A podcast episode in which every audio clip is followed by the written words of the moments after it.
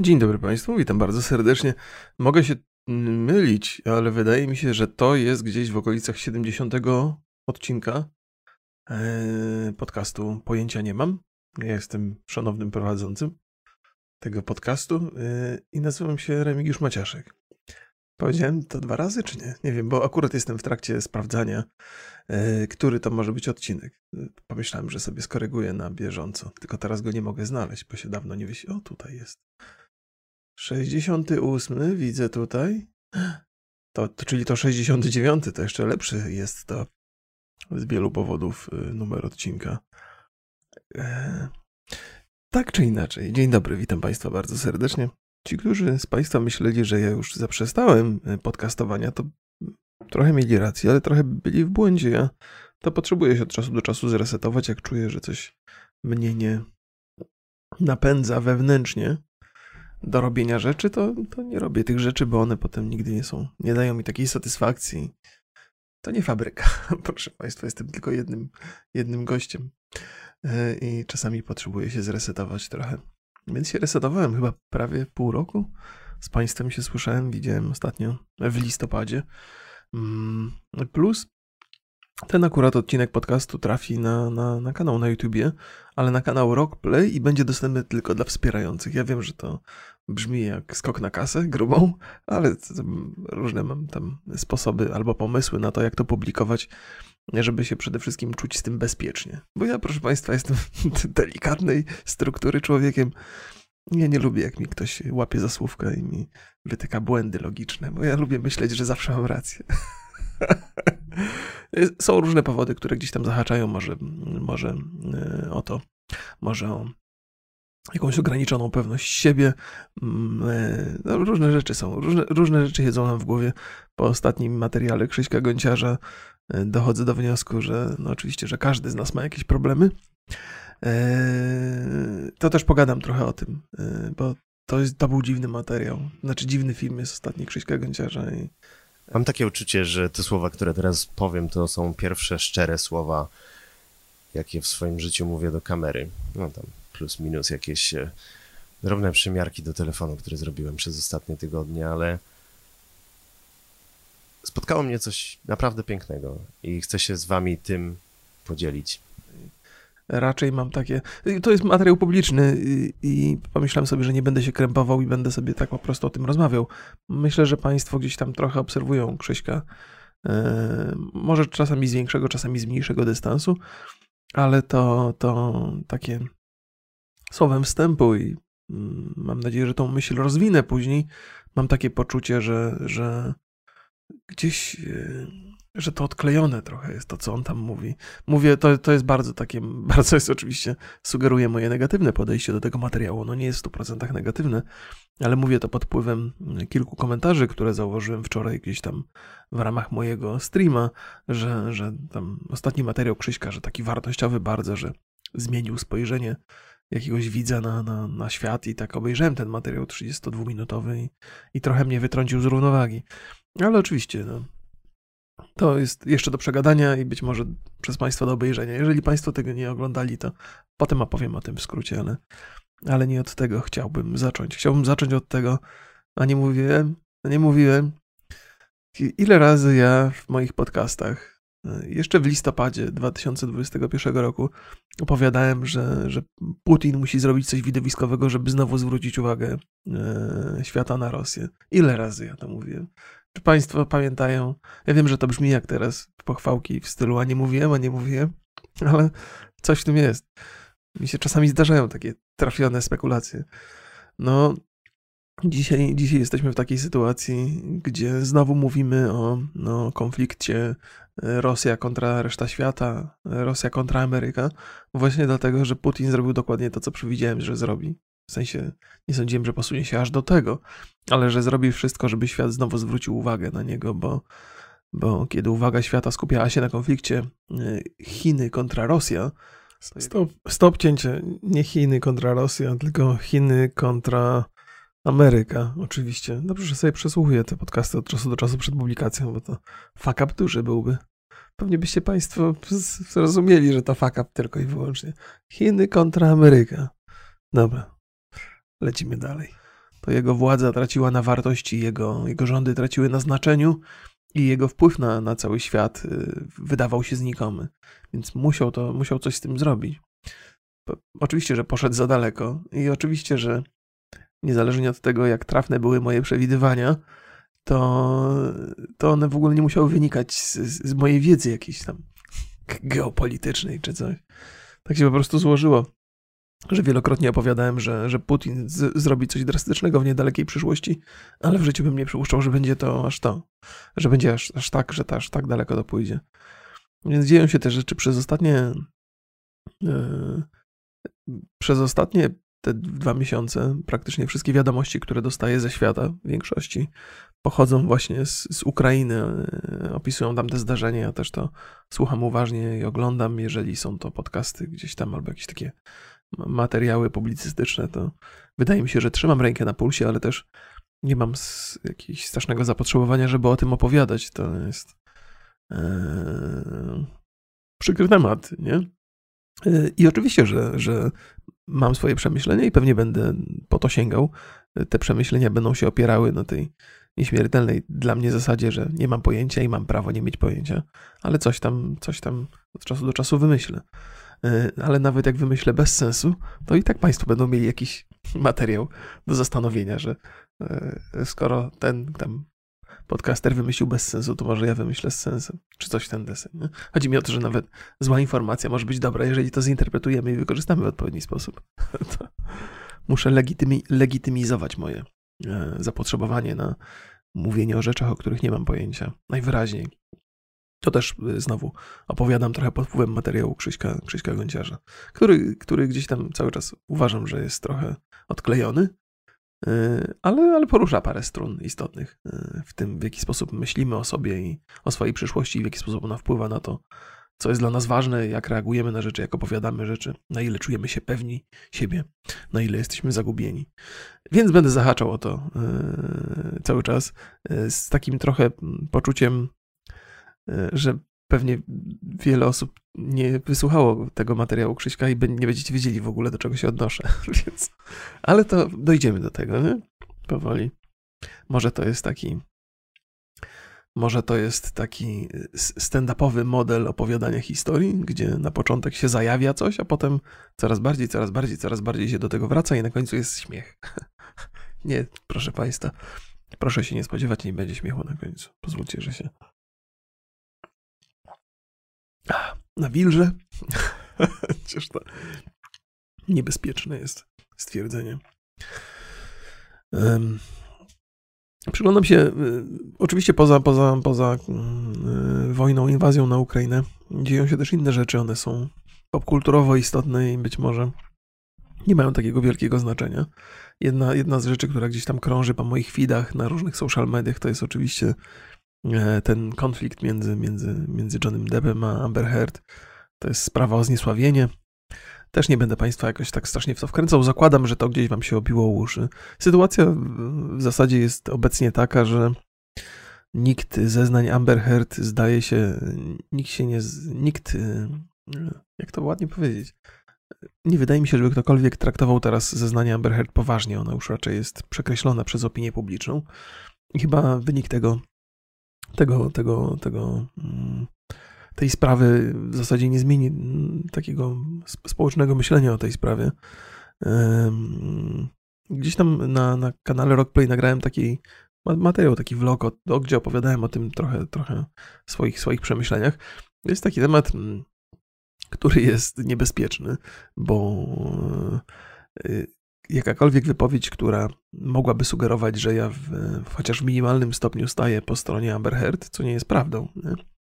od razu wzbudza bardzo dużo kontrowersji i ludzie zagniewani przychodzą do mnie i piszą rzeczy, że ja się nie znam, że, że, że, że jestem przebudzony, że jestem łok czy coś, że udaję tam, że jestem lewakiem czy coś. Nie, nie aż tak skrajnie, ale tak, tak, tak, więc, więc to jest taka kolejna sprawa, przy której trzeba mieć jasno określone poglądy i z reguły skrajne, najlepiej skrajne. Wszelkie wypośrodkowane poglądy, szukanie takiego y, złotego środka między jakiejś neutralności, przyglądanie się obu, argumentum obu stron już nie jest wskazane w tej sytuacji. I to jest coś, co mi trochę przeszkadza w naszej współczesnej rzeczywistości. Wydaje mi się, że taki model y, człowieka, który próbował zachować neutralność, był interesujący i wart naśladowania jakieś jeszcze 10 lat temu. Natomiast dzisiaj szukamy bardzo często poglądów skrajnych, jasno opowiadających się po konkretnej stronie. Jeżeli ktoś zaczyna szukać y, sposobu na to, żeby wysłuchać głosu obu stron, no to, no to jest, to jego, jego poglądy tracą na znaczeniu. To jest chyba specyfika współczesnego świata i social mediów. Y, dużo, często, często, czy tu w moim podcaście, czy, czy w rozmowach z ludźmi, czy, czy w podcaście z Borysem, często rozmawiamy o tej polaryzacji, o tym, że, że ludzie preferują te ekstremalne, skrajne poglądy albo jednej, albo drugiej strony. Tych, którzy próbują stać po środku, się obraża wręcz. Czasami centrysty. Centrysta to jest takie pejoratywne określenie dzisiaj, które oznacza, że ktoś nie ma własnych poglądów, więc stoi po środku, że już dzisiaj jesteśmy po dwóch stronach barykady i jak nie jesteś naszym e, sprzymierzeńcem, to jesteś naszym wrogiem, tak? Jak nie jesteś z nami, to jesteś przeciwko nam. E, więc y, żeby, żeby mm, niezależnie od tego, jakie zapotrzebowania panują, to w moim mniemaniu ta sprawa Amber Heard kontra Johnny Depp e, powinna zostać rozstrzygnięta na korzyść Johnego Deppa. E, ale, ale mogę się mylić. Nie? Jakby zakładam, że tutaj to może być jakaś moja bańka, albo to, że jestem facetem i e, też w takich sytuacjach czuję się zagrożony. W sensie odczuwam to jako, jako, jako potencjalne zagrożenie. W sensie w moim życiu nie wydarzyło się na tyle dużo ekstremalnych rzeczy, żebym mógł się spodziewać, że mnie na przykład żona tak załatwi czy coś. Nie, nie raczej nie. E, ale, ale jakby męska solidarność jest legendarna, nie? więc może z tego powodu staje, staje trochę po stronie Johnego Deppa.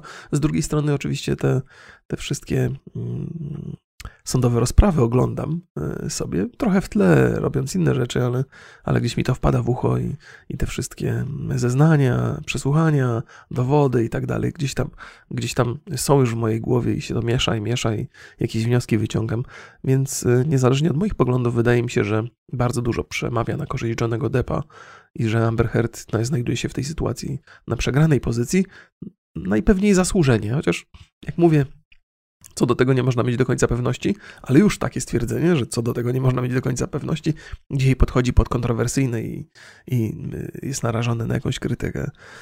Mm, wydaje mi się, że wiele rzeczy, które się dzieje na świecie, właśnie funkcjonuje w oparciu o, tą, o, tą, o to już nastawienie, że jeżeli jesteś z nami, jesteś przeciwko nam. Jest jeszcze coś takiego w języku, w języku angielskim istnieje, funkcjonuje takie pojęcie, z którym ja nie do końca, którego nie do końca potrafię y, przetłumaczyć na język polski. Po angielsku to jest overcorrection. Ja sobie nawet wpiszę to w Google'ach, pewnie to jest jakieś bardzo proste i chyba już nawet to sprawdzałem kiedyś. No, jak człowiek czegoś nie wie raz, to potem bardzo często się zdarza, że tego nie wie. Jak to wpisać, żeby to było szybko? Wpisać Google tłumacz, wziąwszy odpowiednią klawiaturę, bo nie wiem, Google tłumacz E, co ja tu tłumaczyłem? Tłumaczyłem z angielskiego na hiszpański. Ciekawe. Tak mam ustalony. Mm. English, Spanish, e, Polish jest. Mamy. E, Overcore. Przez 2R się chyba pisze? To jest nadmierna korekta. Tak, przez 2R. Nadmierna korekta to jest tyle. Tylko, że w języku angielskim overcorrection stało się takim symbolem czegoś bardzo konkretnego, natomiast nadmierna korekta jest bardzo, znacznie szerszym pojęciem w języku polskim. E, dlaczego o tym wspominam? Bo mm, e, teraz, żebym to dobrze ogarnął, e, ale, ale będę mówił ogólnikami, żebyście Państwo nie spodziewali się z mojej strony jakiejś szczegółowej analizy. Obecnie w Stanach Zjednoczonych toczy się dyskusja na temat aborcji i zaczęło się to chyba w Teksasie przede wszystkim, e, ale chyba może też wcześniej gdzieś było, zaostrzane są te, te prawa aborcyjne. E, I, e, I właściwie teraz te prawa aborcyjne są także zaostrzane już tak, na, na, jest szansa na zaostrzenie tych praw na, przez, na, na, przestrzeni całych Stanów Zjednoczonych. Przestrzeń, można tak powiedzieć, na obszarze całych Stanów Zjednoczonych. Do pewnego stopnia oczywiście tam. Każdy stan ma swoje własne ustawodawstwo i tam. No ale, ale tak czy inaczej, Znaleźliśmy się w takiej sytuacji gdzieś tam po drodze. Jestem pewny, że nie powiem tego dokładnie tak, jakbym chciał, ale gdzie, gdzie walka o, o, o, o nie tyle o prawa kobiet, bo te są już zagwarantowane w zasadzie w Ameryce bardzo dawno, ale o, o, to, o, tą, o tą równowagę, o, o równość płci na wielu, wielu poziomach, e, o być może także walka o to, by mm, życzliwiej albo z, z taką podwyższonym poziomem wiary podchodzić do zeznań kobiet wobec niewłaściwych zachowań mężczyzn. Mm, jakby przez, przez ileś lat było budowane takie jakby mówię o Stanach Zjednoczonych, bo one odzwierciedlają to co, to, co ostatecznie potem się dzieje na świecie, bo świat bardzo często w ramach, zwłaszcza w ramach popkultury, a to stało się elementem popkultury też, e, naśladuje Stany Zjednoczone. Więc, więc bardzo dużo presji wobec mężczyzn gdzieś tam się zaczęło pojawiać i wiele osób to odczuwa, niezależnie od tego, czy ta presja jest prawdziwa, czy nie. Tak, trochę, to, trochę to odczuwamy, że, że mężczyzna jest niewiarygodny, że jest elementem e, kultury gwałtu. Jeżeli kobieta ma coś do powiedzenia na temat mężczyzny, to z reguły jest to prawda, natomiast mężczyzna broniący się z reguły kłamie. To są to, i teraz nie mówię o tym, że, że tak jest, tylko że taki, taki, jakby takie stereotypy zaczęły powstawać. I w pewnych sytuacjach jest to prawda, w niektórych sytuacjach nie jest to prawda, jak w każdej innej rzeczywistości. Znaczy musimy, znaczy jak w każdej innej, w każdej, w, znaczy jak w każdej innej sytuacji, nie? Że, że zawsze gdzieś prawda jest pośrodku. To, yy, I to jest rzecz, o której chyba każdy gdzieś tam słyszał kiedyś, e, że prawda jest pośrodku. Natomiast w związku z tym, że mamy skłonności do polaryzowania i do ekstremalnych poglądów, to to stwierdzenie, że prawda jest dość pośrodku, zostało totalnie zapomniane że teraz prawda jest albo po jednej skrajnej stronie, albo po drugiej, że w ten sposób społeczeństwo funkcjonuje. I wydaje mi się, że, że, że dziennikarstwo też funkcjonuje po takiej stronie, że nie pisze się tego, co jest y, prawdą, tylko to, co wzbudzi więc większe zainteresowanie. Jakby cały świat jakby. To nie jest też tak, że to jest wycinek rzeczywistości, że wszystko, co, co buduje tą rzeczywistość, zaczyna zmierzać do tych wartości i w polityce, i w dziennikarstwie, i w social mediach, i w relacjach międzyludzkich że to jest taka właściwość, ta, ta polaryzacja to jest taka właściwość, która, która e, rozchodzi się na całe, na wszystkie, wszystkie e, sfery życia. E, ale zacząłem od tego, od tej, od tej nadmiernej korekty i rezultatem tej całkiem, całkiem sensownej walki o jakąś równość między płciami jest to, że tracimy wszystkie te rzeczy, które doprowadziły do równości przez ostatnie 100 lat. Czyli jakby powrót tych bardzo skrajnych i drastycznych praw e, antyaborcyjnych, przepisów antyaborcyjnych, to jest krok wstecz. To jest poważny i potężny krok wstecz. Więc rezultat tej walki, która bardzo często była niezwykle skrajna, jest taki, że powstała druga skrajność, która jest silniejsza w tym przypadku. I te wszystkie ruchy do, zmierzające do, do, do, do równouprawnienia, takiej trochę krytyki wobec mężczyzn, czasami niezasłużonej, dzisiaj osiągnęły dokładnie odwrotny skutek e, do zamierzonego. I teraz, żeby wszystko było jasne, a no, nie stało się dobrze. To znaczy, w normalnych warunkach powinno nastąpić poszukiwanie jakiegoś złotego środka między, między tymi skrajnymi poglądami, ale w związku z tym, że funkcjonujemy na zasadzie ekstremów tylko i wyłącznie, to, to nie można znaleźć tego złotego środka, tylko albo jedna strona przeciąga linę w swoją stronę, albo, albo w drugą, albo druga strona. Strona przeciąga linę w stronę. Piękne to jest, ale mam nadzieję, że Państwo rozumieją, co chcę powiedzieć. I ta, ta, ta sprawa Amber Heard to jest taka, taka przeszkoda, o którą, o którą te wszystkie kobiece ruchy, czasami feministyczne, czasami skrajnie feministyczne, także mi tu, potykają się strasznie i przewracają się na tej przeszkodzie. I, I to zostanie przeciągnięte w drugą stronę, właśnie na jeszcze bardziej ekstremalną stronę. Oczywiście nie do tego stopnia, że na przykład kobiety, kobiety stracą prawa wyborcze w Ameryce czy coś, ale, ale znowu znajdziemy się w takiej sytuacji, że, że aborcja jest totalnie zakazana, albo y, kobietom się nie wierzy, bo, bo, bo kłamią, bo oszukują, bo chcą mężczyzn w, y, pogrążyć, nie? czy coś. Nie? To jest właśnie, prawda jest pośrodku, a, a totalnie nam to umyka.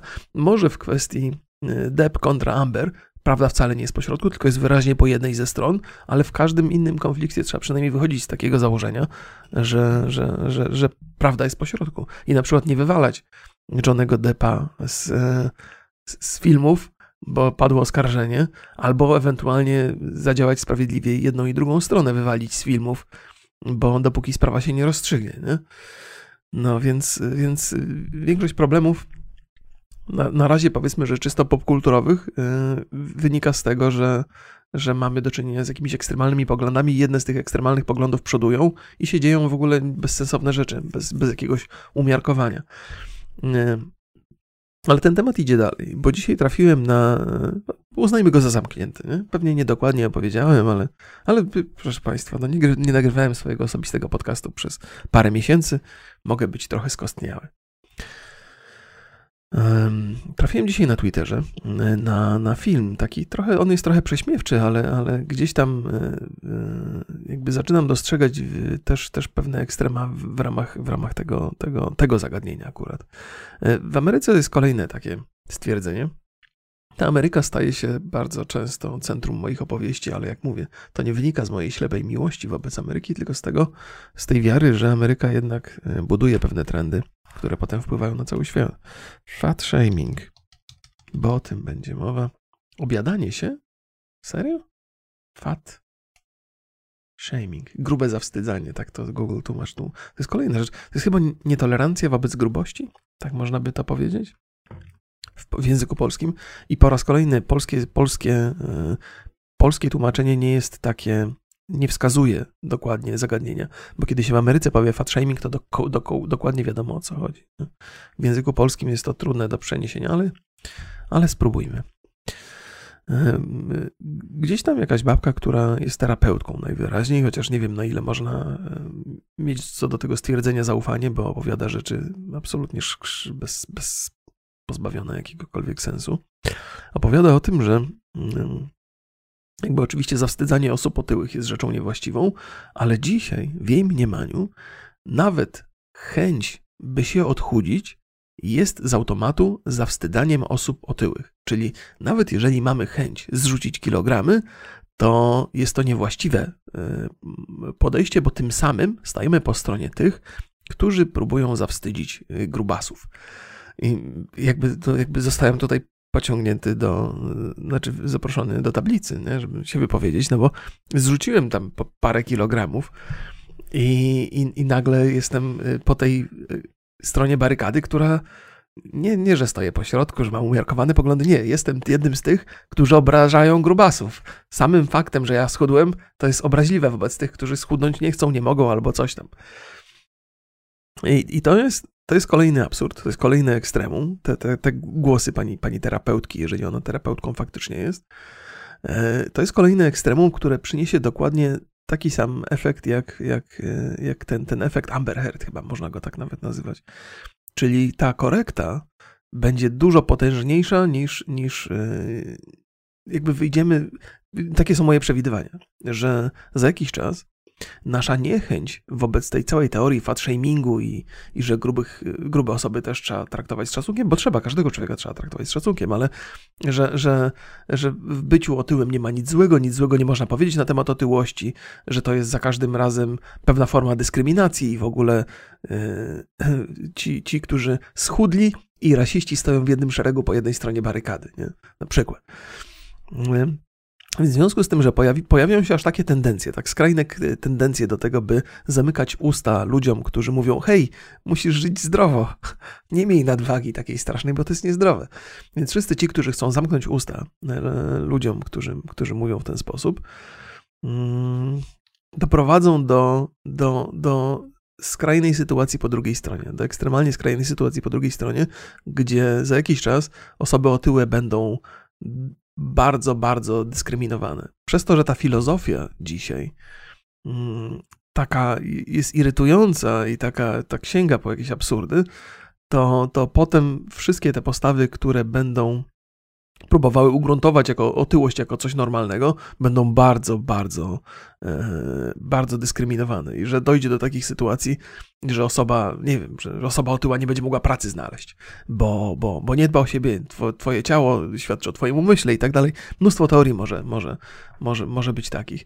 I te, wiem, że to brzmi idiotycznie, to co teraz mówię, ale, ale wydaje mi się, że ten, ten, że to zachowanie społeczne, o którym mówię, czyli ta, ta nadmierna korekta, jest czymś namacalnym, jest czymś, co można wskazać w paru sytuacjach społecznych.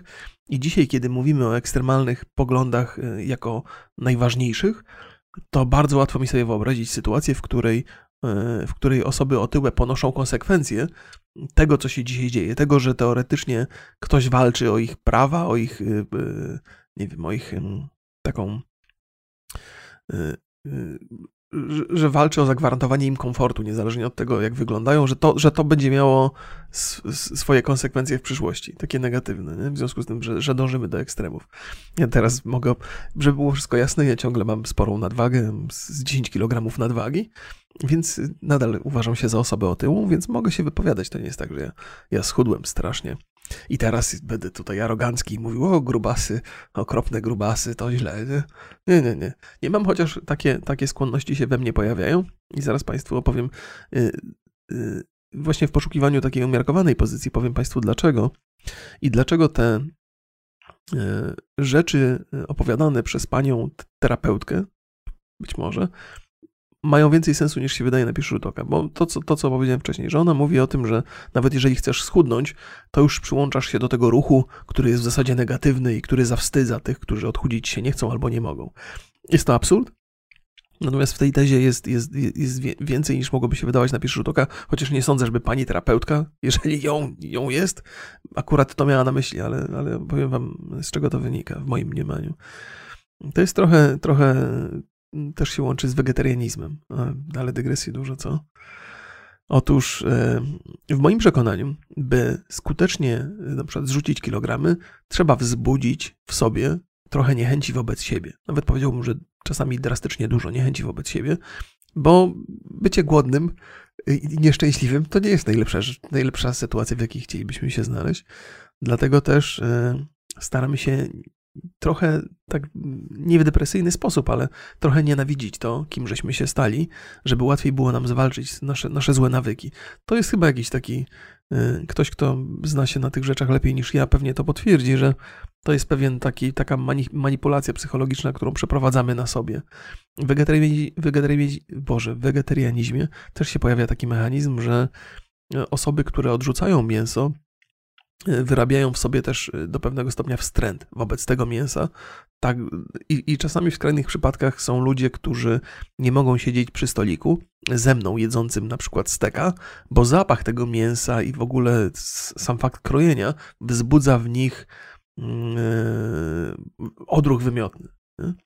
Y, I to, to nawet nie jest aż, aż, aż, takie ekstremalne, że to się bardzo często zdarza, że ten, że ten wstręt jest, jest na tyle silny i ten wstręt mija podobno z czasem, że, że jest taki etap, że, że ten wstręt się odczuwa bardzo, bardzo wyraźnie, a po jakimś czasie człowiek się przyzwyczaja, już tego wstrętu nie odczuwa, ale niechęć wobec mięsa pozostaje. I to jest, i to nie jest efekt y, E, który, który można logicznie wytłumaczyć poza jakąś taką manipulacją, którą się na sobie przeprowadziło. To, co wzbudza nasz niesmak i naszą odrazę, często nie jest. To jest to, co nam, nam się wytworzyło w głowie, to, co powinno wzbudzać naszą odrazę. Mm, I rzecz nie zawsze to jest odruch bezwarunkowy. To jest w jakimś momencie jest to odruch bezwarunkowy, ale można ten odruch wyrobić wo wo wobec pewnych rzeczy. Możemy się zgodzić, nie musimy się godzić. To jest też tak, że gdybym chciał wytłumaczyć, dlaczego tak rozumuję, to bym po pierwsze pewnie się pogubił i po drugie nie zrobił tego dobrze. Ale takie mam wrażenie, że można w, sobie wyrobić wstręt do pewnych rzeczy. Więc wyrabiając sobie wstręt do naszej własnej otyłości, wyrabiamy sobie także do pewnego stopnia wstręt wobec innych osób, które są także otyłe. Bo to są chodzące, mówiące, myślące dowody na to, że, e, że cały czas, e, że, też jesteśmy zagrożeni, że możemy wrócić do tego, że. że ale to jest. E, to, to jest jedno, trochę może, może idę w niewłaściwą stronę, ale przede wszystkim to jest ta obawa, że obecność osób otyłych dookoła e, zrujnuje naszą determinację, że znormalizuje naszą otyłość, której przecież nienawidzimy i nie chcemy. Więc jest trochę racji w tym, że osoby, które się odchudzają, wzbudzają w sobie wstręt do, do tej swojej nadwagi i przy okazji ten wstręt wobec swojej nadwagi przechodzi dalej na inne osoby, które także mają nadwagę. Więc doszedłem do sedna. Więc wbrew, wbrew pozorom, jakkolwiek irracjonalne by to nie było, faktycznie chęć do odchudzania się staje się do jakiegoś stopnia nietolerancją wobec grubości. I ta nietolerancja rozchodzi się nie tylko na nas, ale także na inne osoby. To jest naturalny proces, w moim mniemaniu. Ale to i tak niczego ostatecznie nie zmienia. Bo to, że ja odczuwam niechęć wobec siebie i przy okazji trochę może wobec innych osób, które są mi podobne, to nie jest y, uczucie, które zrujnuje cudze życie. Nie? W sensie to, to zawał serca może zrujnować twoje życie, zatkane żyły może zrujnować twoje życie. To, że nie możesz pobiegać z dzieciakiem po placu zabaw, trochę rujnuje twoje życie. To, że dostajesz zadyszki podczas wiązania butów, to trochę rujnuje twoje życie, że nie potrafisz przebiec się nawet kawałka. To jest, to jest coś, co faktycznie rujnuje twoje życie. A to, że ktoś tam odczuwa jakąś niechęć wobec siebie i przy okazji wobec ciebie na przykład, to, to nic nie znaczy, to nic nie powinno znaczyć.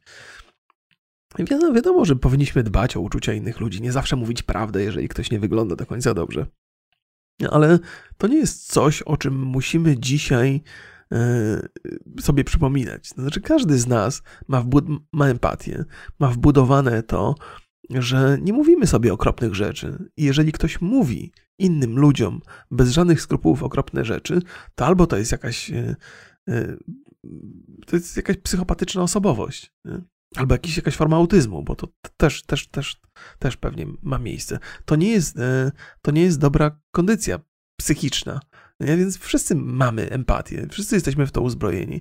I niestety to jest kolejny, kolejny udział tego, tych social mediów w zmianie naszych poglądów, że, że empatia umiera w internecie, bo empatia wymaga kontaktu wzrokowego z osobą, którą się rozmawia. Wtedy uruchamiają się w mózgu specjalne obszary, które mniej więcej pozwalają nam zinterpretować, jak druga osoba reaguje na nasze słowa.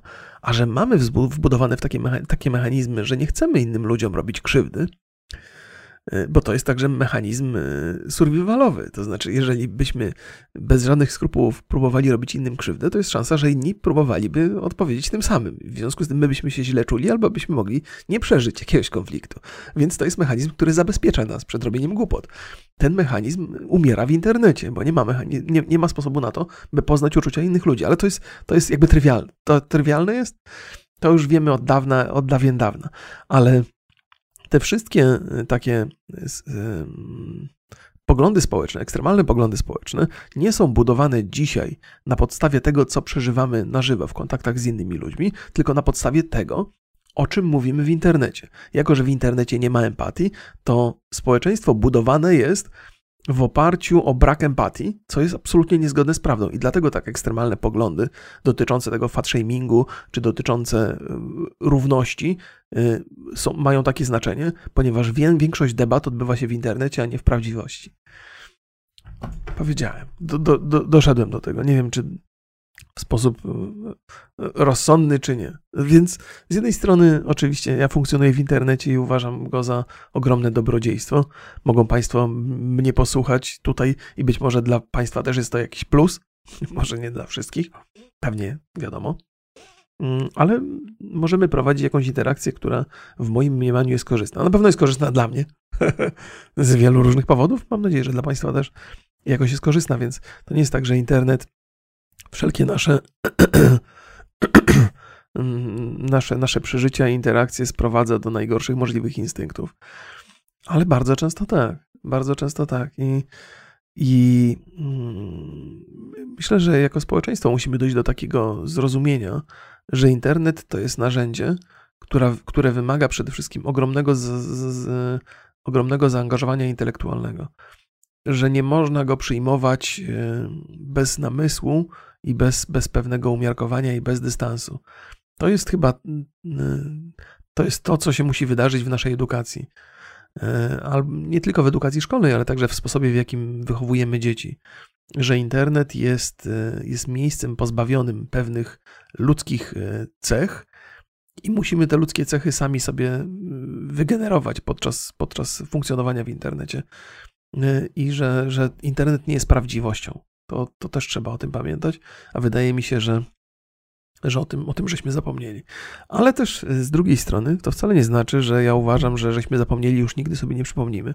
E, tak długo jak nie znajdziemy sposobu na to, żeby się pozabijać nawzajem, chociaż ostatnio mam wrażenie, że szukamy tego sposobu mocno usilnie, mocno, szukamy tego sposobu na to, by się pozabijać, ale tak długo jak się nie pozabijamy, to mamy szansę się rozwinąć i zmienić. I, I z jednej strony mamy jakieś absurdalne zachowania, potem z drugiej strony mamy przesadzoną korektę tych absurdalnych zachowań, która też jest absurdalna, ale że ostatecznie, mm, nawet jeżeli mamy do czynienia ze zderzeniem dwóch skrajnych poglądów, to gdzieś tam w sposób naturalny, w sposób jakby ewolucyjny, ten złoty środek znowu odżyje i znajdzie swoje miejsce w naszym, w naszym, w naszym funkcjonowaniu. Mm, ale też y, jakby dostrzegam pewne braki pewnych rzeczy w internecie, opowiadam y, o nich, jakbym pozjadał wszystkie rozumy, ale też jestem świadom tego, że nasza rzeczywistość dzisiaj nie musi być gorsza od naszej rzeczywistości 50 lat temu. Znaczy, konflikty społeczne 50 lat temu były jeszcze silniejsze, jeszcze bardziej drastyczne i przyjmowały przede wszystkim bardzo brutalne formy. Więc, więc e, to, co dzisiaj jest konfliktem, jest bardzo głośne, bardzo wyraziste i wydaje się, że wpływa na nas bardzo mocno, bo tych różnych konfliktów doświadczamy z internetu, one, one na nas spływają i stajemy się uczestnikami tych konfliktów, e, mamy w nich swój udział. E, I, I mamy wrażenie, że jest ich tak dużo i są takie ciężkie, ale i tak ostatecznie nie trzeba się długo zastanawiać, by sobie uświadomić, że hej, 50 lat temu było gorzej. A przecież nie było internetu, nie? Więc internet to nie jest, nie jest samo, samo zło. Więc nawet jeżeli opowiadam o rzeczach, które w teorii mogą wzbudzać jakiś niepokój, to ostatecznie zawsze dochodzę do wniosku, że optymizm jest, y, jest mi bliższy. Nie tylko dlatego, że jestem naiwnym głupcem, tylko dlatego, że, że nasza rzeczywistość dzisiaj nie jest taka zła, jak mogłaby być. I to zamyka jedną z rzeczy, które chciałem Państwu powiedzieć. Mm, e, nawet powiedziałbym, że więcej rzeczy zamyka. E, nie chcę się dzisiaj zasiedzieć, bo się, bo wróciłem ledwo na świeżo, to nie można od razu biegać długodystansowo. O Krzyśku Gonciarzu chciałbym trochę pogadać. E, bo on, on cały czas mi chodzi po głowie. Często o nim myślę. Mm, po pierwsze, dlatego, że odczuwam wobec niego sympatię. Po drugie, dlatego, że odczuwam e, także zazdrość wobec rzeczy, które robił. Już tak staję trochę przed lustrem, opowiadając Państwu te rzeczy, ponieważ wiele rzeczy zrobił e, bardzo znaczących e, i podziwiam go za te rzeczy.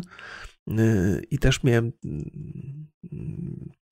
No, on też jakby zaszkodził mi mocno przez tą moją zazdrość, że on zaczął robić vlogi takiej jakości, że ja zrezygnowałem ze swoich, bo myślałem sobie, nie, już nie, nie, nie będę w stanie osiągnąć takiego poziomu, nie? Więc, więc też skrzywdził mnie, mnie trochę, ale to no, nie jego wina, nie? No, ma, ma standardy, podniósł standardy vlogowania do takiego poziomu, że nawet mi się nie chciało z tym konkurować za bardzo. I wydało mi się, że wszystko, co robię, jest totalnie pozbawione wartości. O, chlip, chlip. ale tak gdzieś tam, wiecie, no Niezależnie od tego, ile mam lat, internet jest dla mnie nowym doświadczeniem, więc tak naprawdę ja ciągle, tak jak wszyscy, my raczkujemy, raczkuję trochę po tym internecie. No więc śledzę, śledzę Krzyśka z, z pewnego dystansu i, i jego przemyślenia zawsze trochę do mnie trafiają. Mm, w związku z tym, że obaj robimy podobne rzeczy w internecie, chociaż on się dużo bardziej otwiera niż ja, zdecydowanie bardziej i przez to jest dużo bardziej podatny na ciosy, ale jego, mm, jego przeżycia i konsekwencje tego otwierania się pozwalają mi ocenić e, także swoje, swoje przeżycia zagrożenia, którym, który, którym nie mogą się przytrafić. Albo zagrożenia, które towarzyszą mi na co dzień, moje lęki także. Nie? Więc, więc on jest taką, takim papierkiem lakmusowym trochę, E, tego, co każdemu może się, może się przytrafić. I teraz też żeśmy wczoraj mieli rozmowę taką z Borysem na temat, na temat Krzyśka, to ta rozmowa to jest do obejrzenia na jakimś, bo, Krzyś, bo, bo Borys zapisuje swoje live, bo na live'ach żeśmy, taki podcast był na live'owy i u Borysa on jest. Ja trochę wypiłem wódki do tego podcastu, więc nie zawsze mówiłem zgrabnie i, i treściwie. Tak, proszę Państwa, czasami, by mówić zgrabnie i nietreściwie, y, potrzebuję wódki, a czasami robię to i bez wódki. tak jak na przykład dzisiaj. Być może.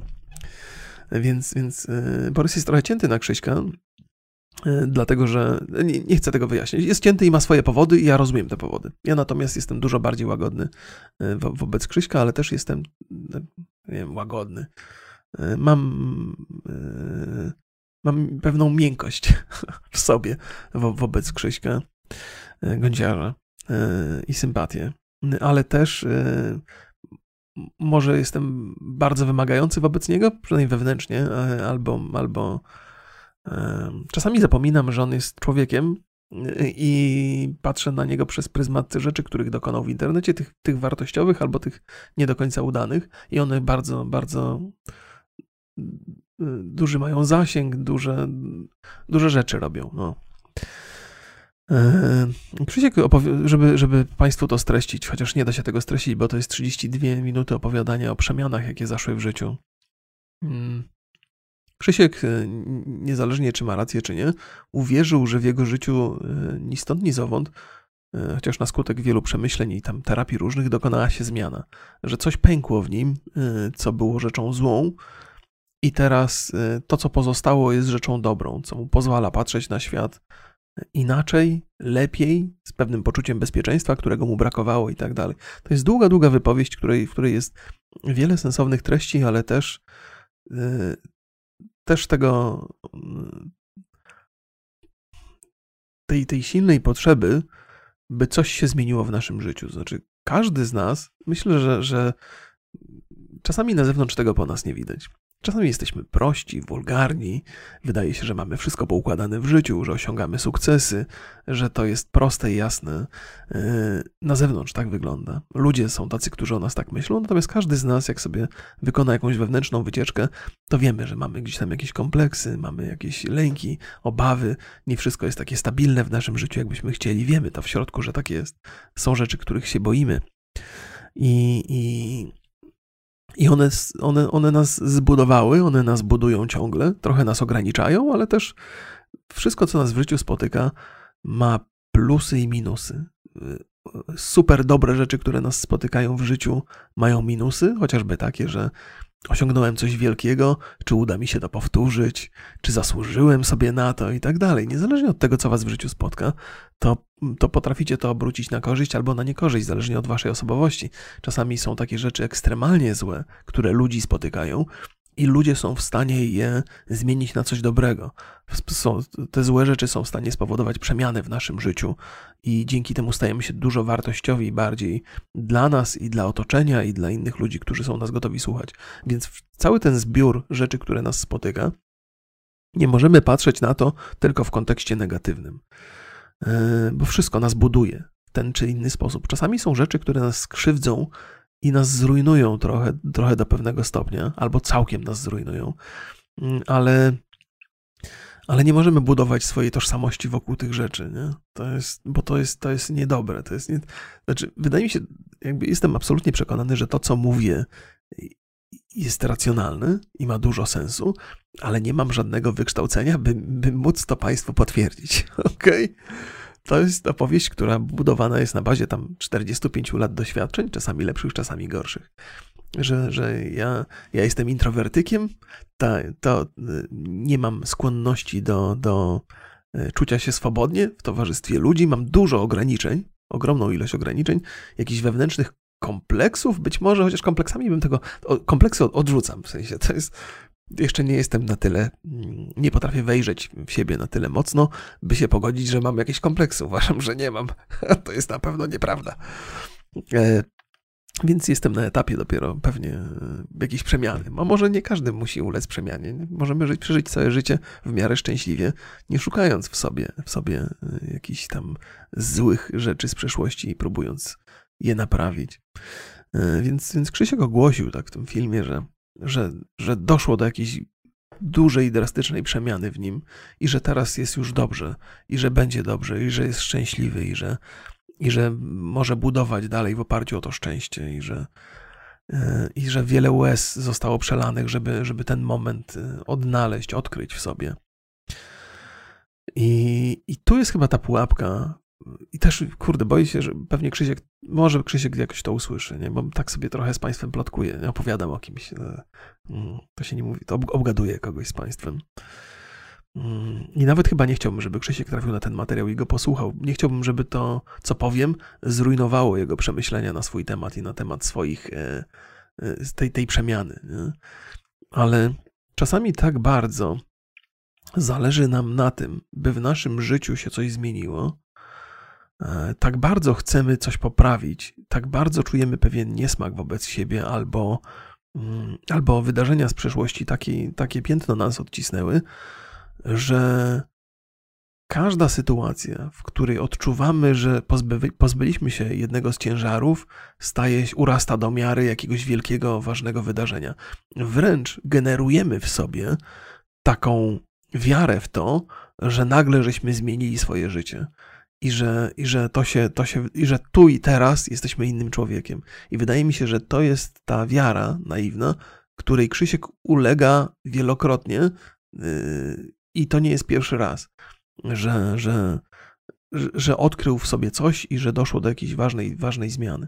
I to też jest tak, ja nie jestem, ja jakby obgadując sobie Krzyśka Gąciarza z Państwem tutaj, jestem świadom tego, że on jakby sposób albo ten proces leczenia, e, poszukiwania własnej ścieżki, e, radzenia sobie z przeszłością, która, która w jego mniemaniu była czymś złym, e, to jest długi proces. On, tam tam wiele, wiele terapii się przytrafiało i wiele przemyśleń. To nie jest tak, że ja uważam, że, że Krzysiek się obudził jednego dnia i, i nagle o 100% zmienił swoje życie, nie przeprowadzając jakiegoś procesu. Wiem, że ten proces następował tam po drodze. Ale mam takie, takie, takie y, przemyślenie y, i ono może być błędne, mm, ale nie musi, że wszelkie Istotne zmiany, które dokonują się w naszym życiu, są procesem niezauważalnym, że dochodzimy do zmiany i po iluś tam latach przekonujemy się, że dzisiaj jesteśmy kimś innym niż byliśmy. Jesteśmy bardzo podobni do siebie z przeszłości, ale jesteśmy kimś innym. Inaczej patrzymy na życie, inaczej reagujemy na, na, na to, co się wydarzyło.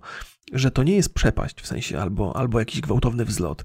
Że to nie jest tak, że wspinamy się do góry, wspinamy się na szczyt, wspinamy i nagle trafiamy na przepaść, i ta przepaść kompletnie zmienia nasze życie, i od, w momencie odkrycia tej przepaści nagle wydarza się coś wielkiego, coś wiekopomnego, co ma drastyczny i, i wpływ na nasze, na nasze myślenie i na to, kim jesteśmy.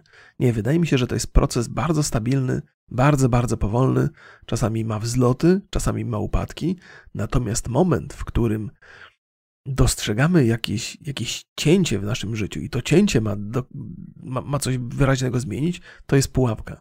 To jest, to jest, e, to jest taki moment, w którym e, wierzymy, że się dokonało coś, co tak naprawdę wymaga jeszcze pierdela, pierdeliarda lat do, do opanowania. I, I wydaje mi się, że to jest wniosek, jaki wyciągnąłem z filmu Krzyśka Gonciarza, w którym opowiada o swojej zmianie, o tym, o tym czymś gwałtownym, co się dokonało w jego życiu, czymś gwałtownym i potrzebnym. Chciałbym, żeby to, co on przeżywa, było prawdziwe i żeby faktycznie było tak, jak myśli, yy, ale moje doświadczenia temu przeczą. Ale oczywiście, i być może jest to optymistyczne yy, yy, zakończenie tego wywodu. Może się mylę, może moje doświadczenia są błędne. błędne. Może właśnie zmiana w życiu następuje tak gwałtownie, nagle, nagle jednego dnia się budzimy, jesteśmy nieszczęśliwi, a dru drugiego dnia nagle rozumiemy, odkrywamy, co spowodowało, że byliśmy nieszczęśliwi i stajemy się szczęśliwi. Powiadałem parę razy o tym, że gwałtowne i drastyczne wydarzenia powodują zmiany w naszym życiu, więc może to trochę zabrzmieć, jakbym sobie przeczył, nie? Ale nie powiedziałem jednego, że te gwałtowne i drastyczne rzeczy, które zmieniają nasze życie, są początkiem zmiany, a nie jego końcem. To nie jest tak, że dzisiaj przeżyłem coś strasznego albo coś wielkiego i jutro już jestem innym człowiekiem. Nie. Przeżycie czegoś wielkiego i strasznego jest wstępem do zmian. Y, czasami na lepsze, czasami na gorsze.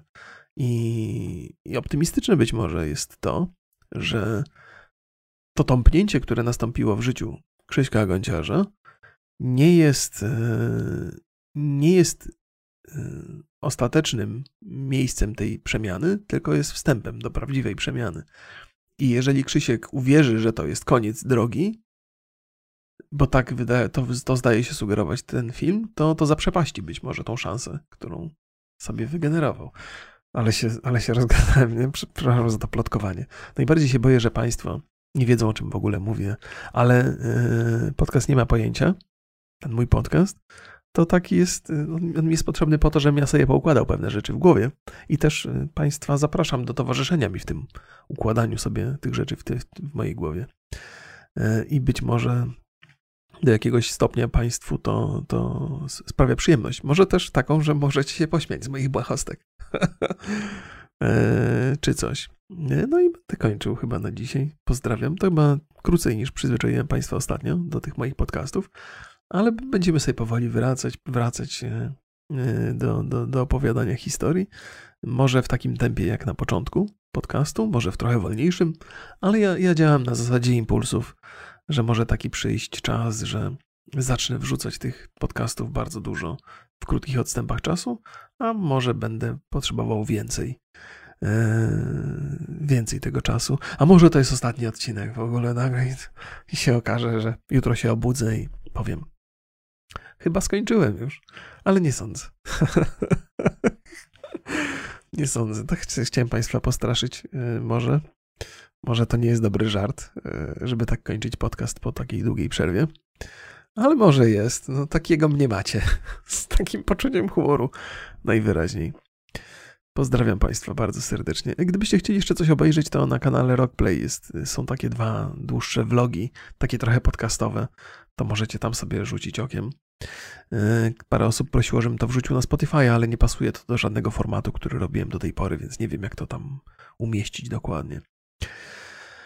E, no, i tyle, i tyle, i tyle, i tyle, i tyle, i tyle. Pozdrawiam bardzo serdecznie. Trzymajcie się, życzę Wam miłego dnia, cokolwiek tam robicie. Bawcie się dobrze i rozsądnie. Hej, hej.